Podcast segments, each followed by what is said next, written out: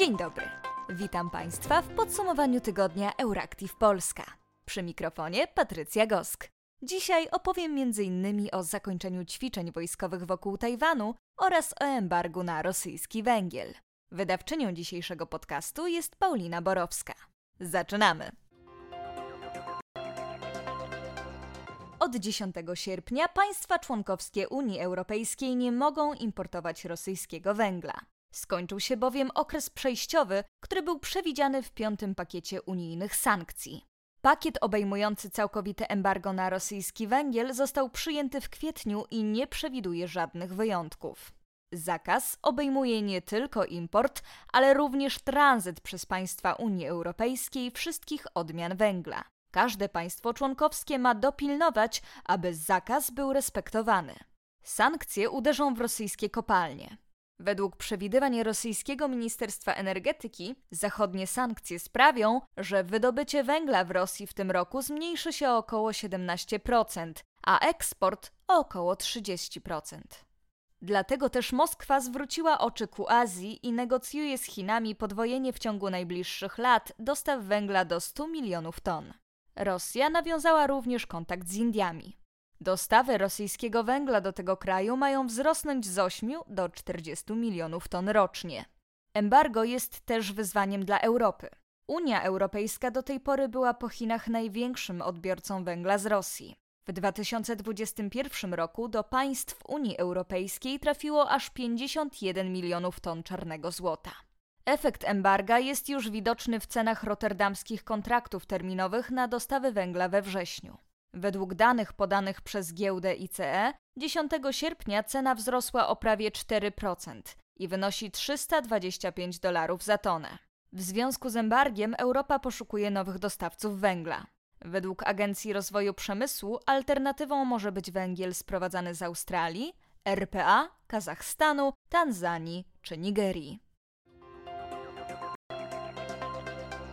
Inflacja nie zatrzymuje się czego wynikiem są rosnące w sklepach ceny. Według cyklicznej ogólnopolskiej analizy cen detalicznych autorstwa UCE Research i wyższych szkół bankowych, w lipcu 2022 roku w sklepach było drożej o 18,6% w porównaniu z analogicznym okresem ubiegłego roku. Zdrożały wszystkie z 12 analizowanych kategorii produktów. Należą do nich pieczywo, nabiał, mięso, owoce, warzywa, produkty sypkie, produkty tłuszczowe, dodatki spożywcze, używki, napoje, chemia gospodarcza i inne artykuły.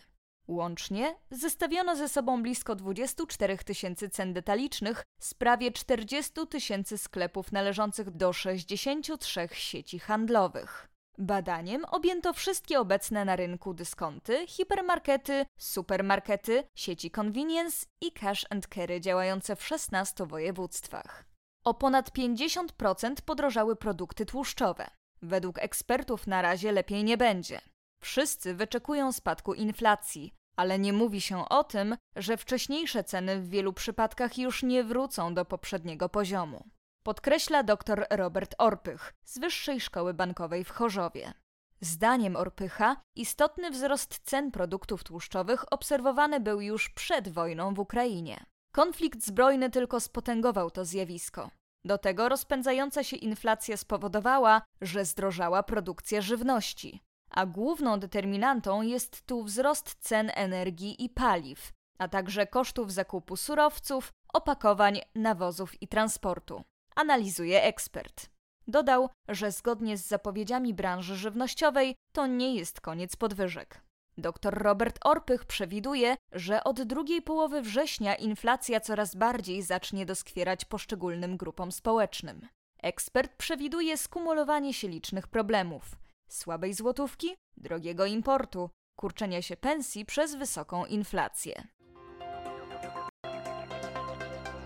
Amerykański Departament Obrony potwierdził mediom, że Ukraina otrzymała amerykańskie pociski przeciwradarowe AGM-88 HARM. Wcześniej o tym nie informowano, ale szczątki takiej rakiety odnaleźli rosyjscy żołnierze.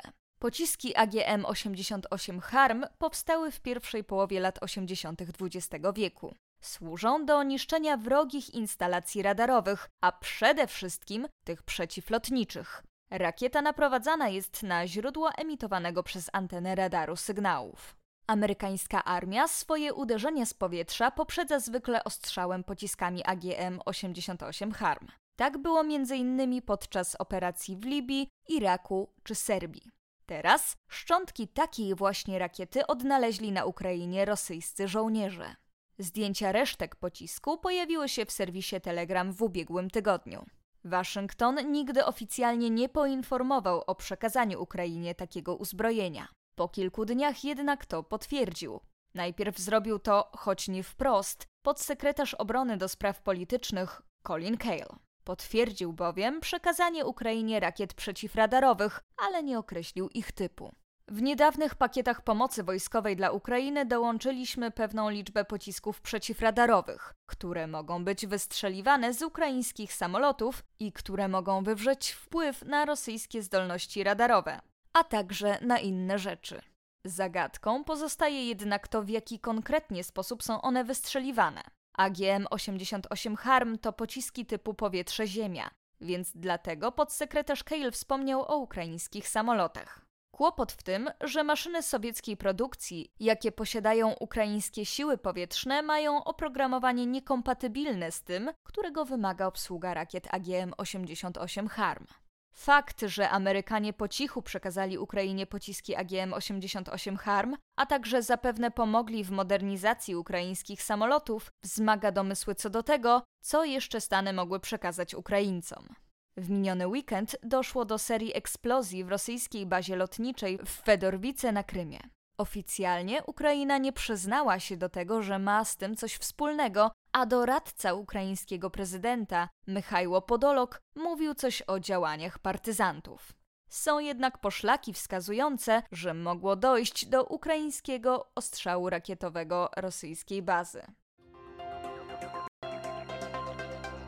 Większość Amerykanów chce bezpośrednich wyborów prezydenta. W sondażu Pew Research Center, przeprowadzonym między 27 czerwca a 4 lipca bieżącego roku, 63% Amerykanów opowiedziało się za powszechnymi i bezpośrednimi wyborami prezydenckimi. Obecny system, w którym o wyborze głowy państwa formalnie decyduje kolegium elektorów, chce zachować 35% badanych.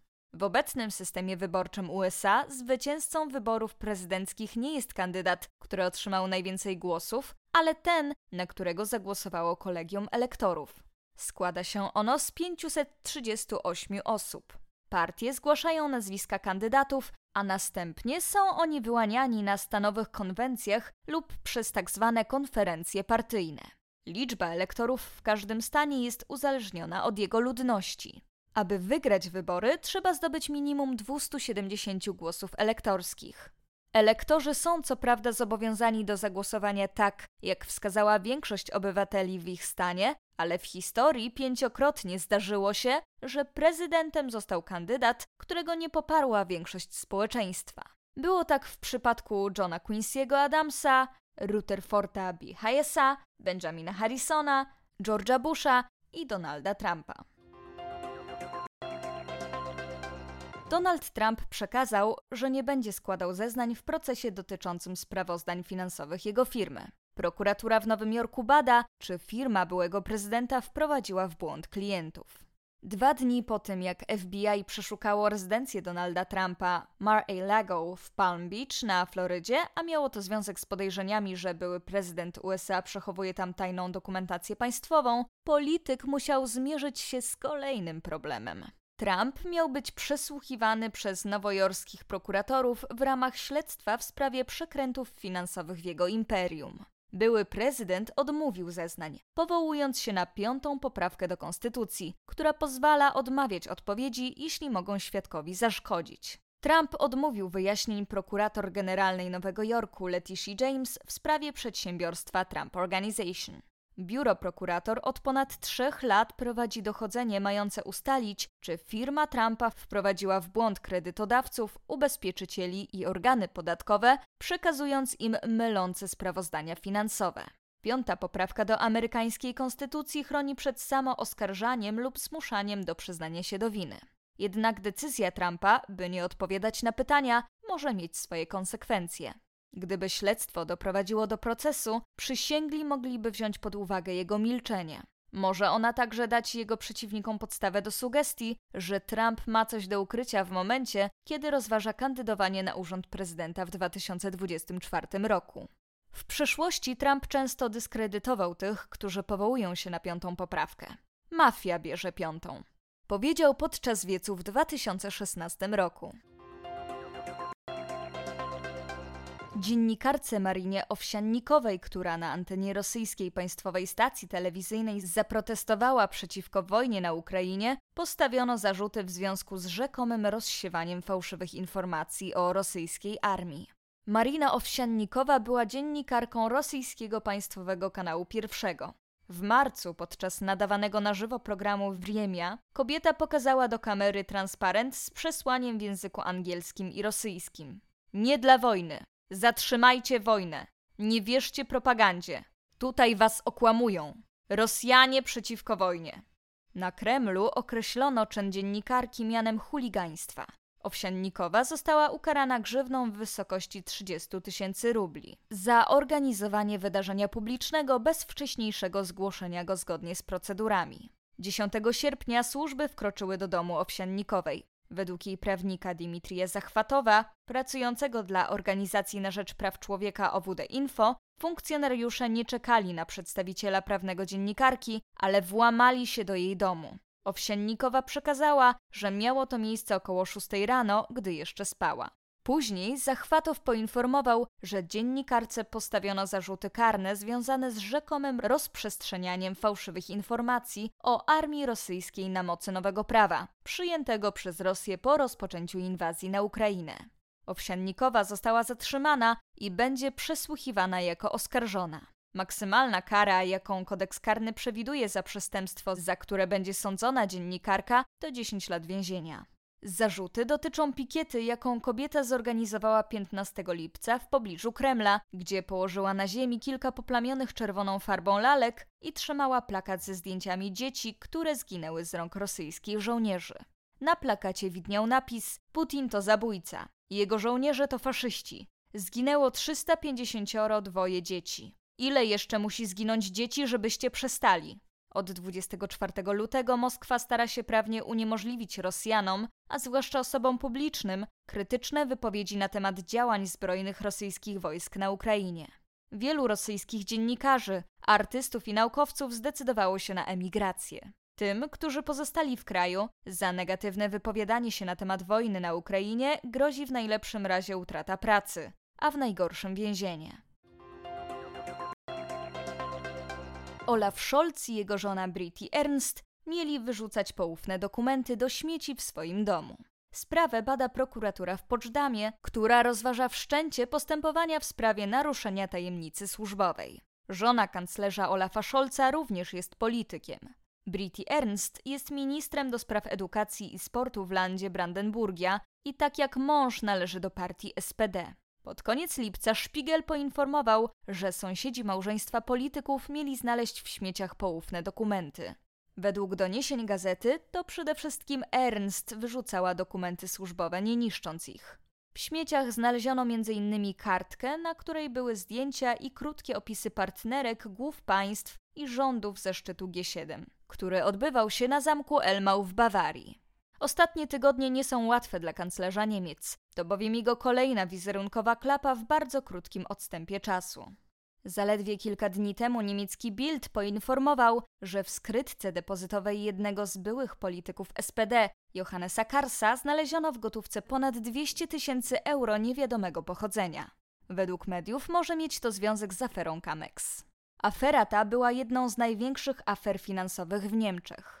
Chodziło o obrót akcjami w dniu wypłaty dywidendy, tak aby uzyskać wielokrotny zwrot podatku od zysków kapitałowych.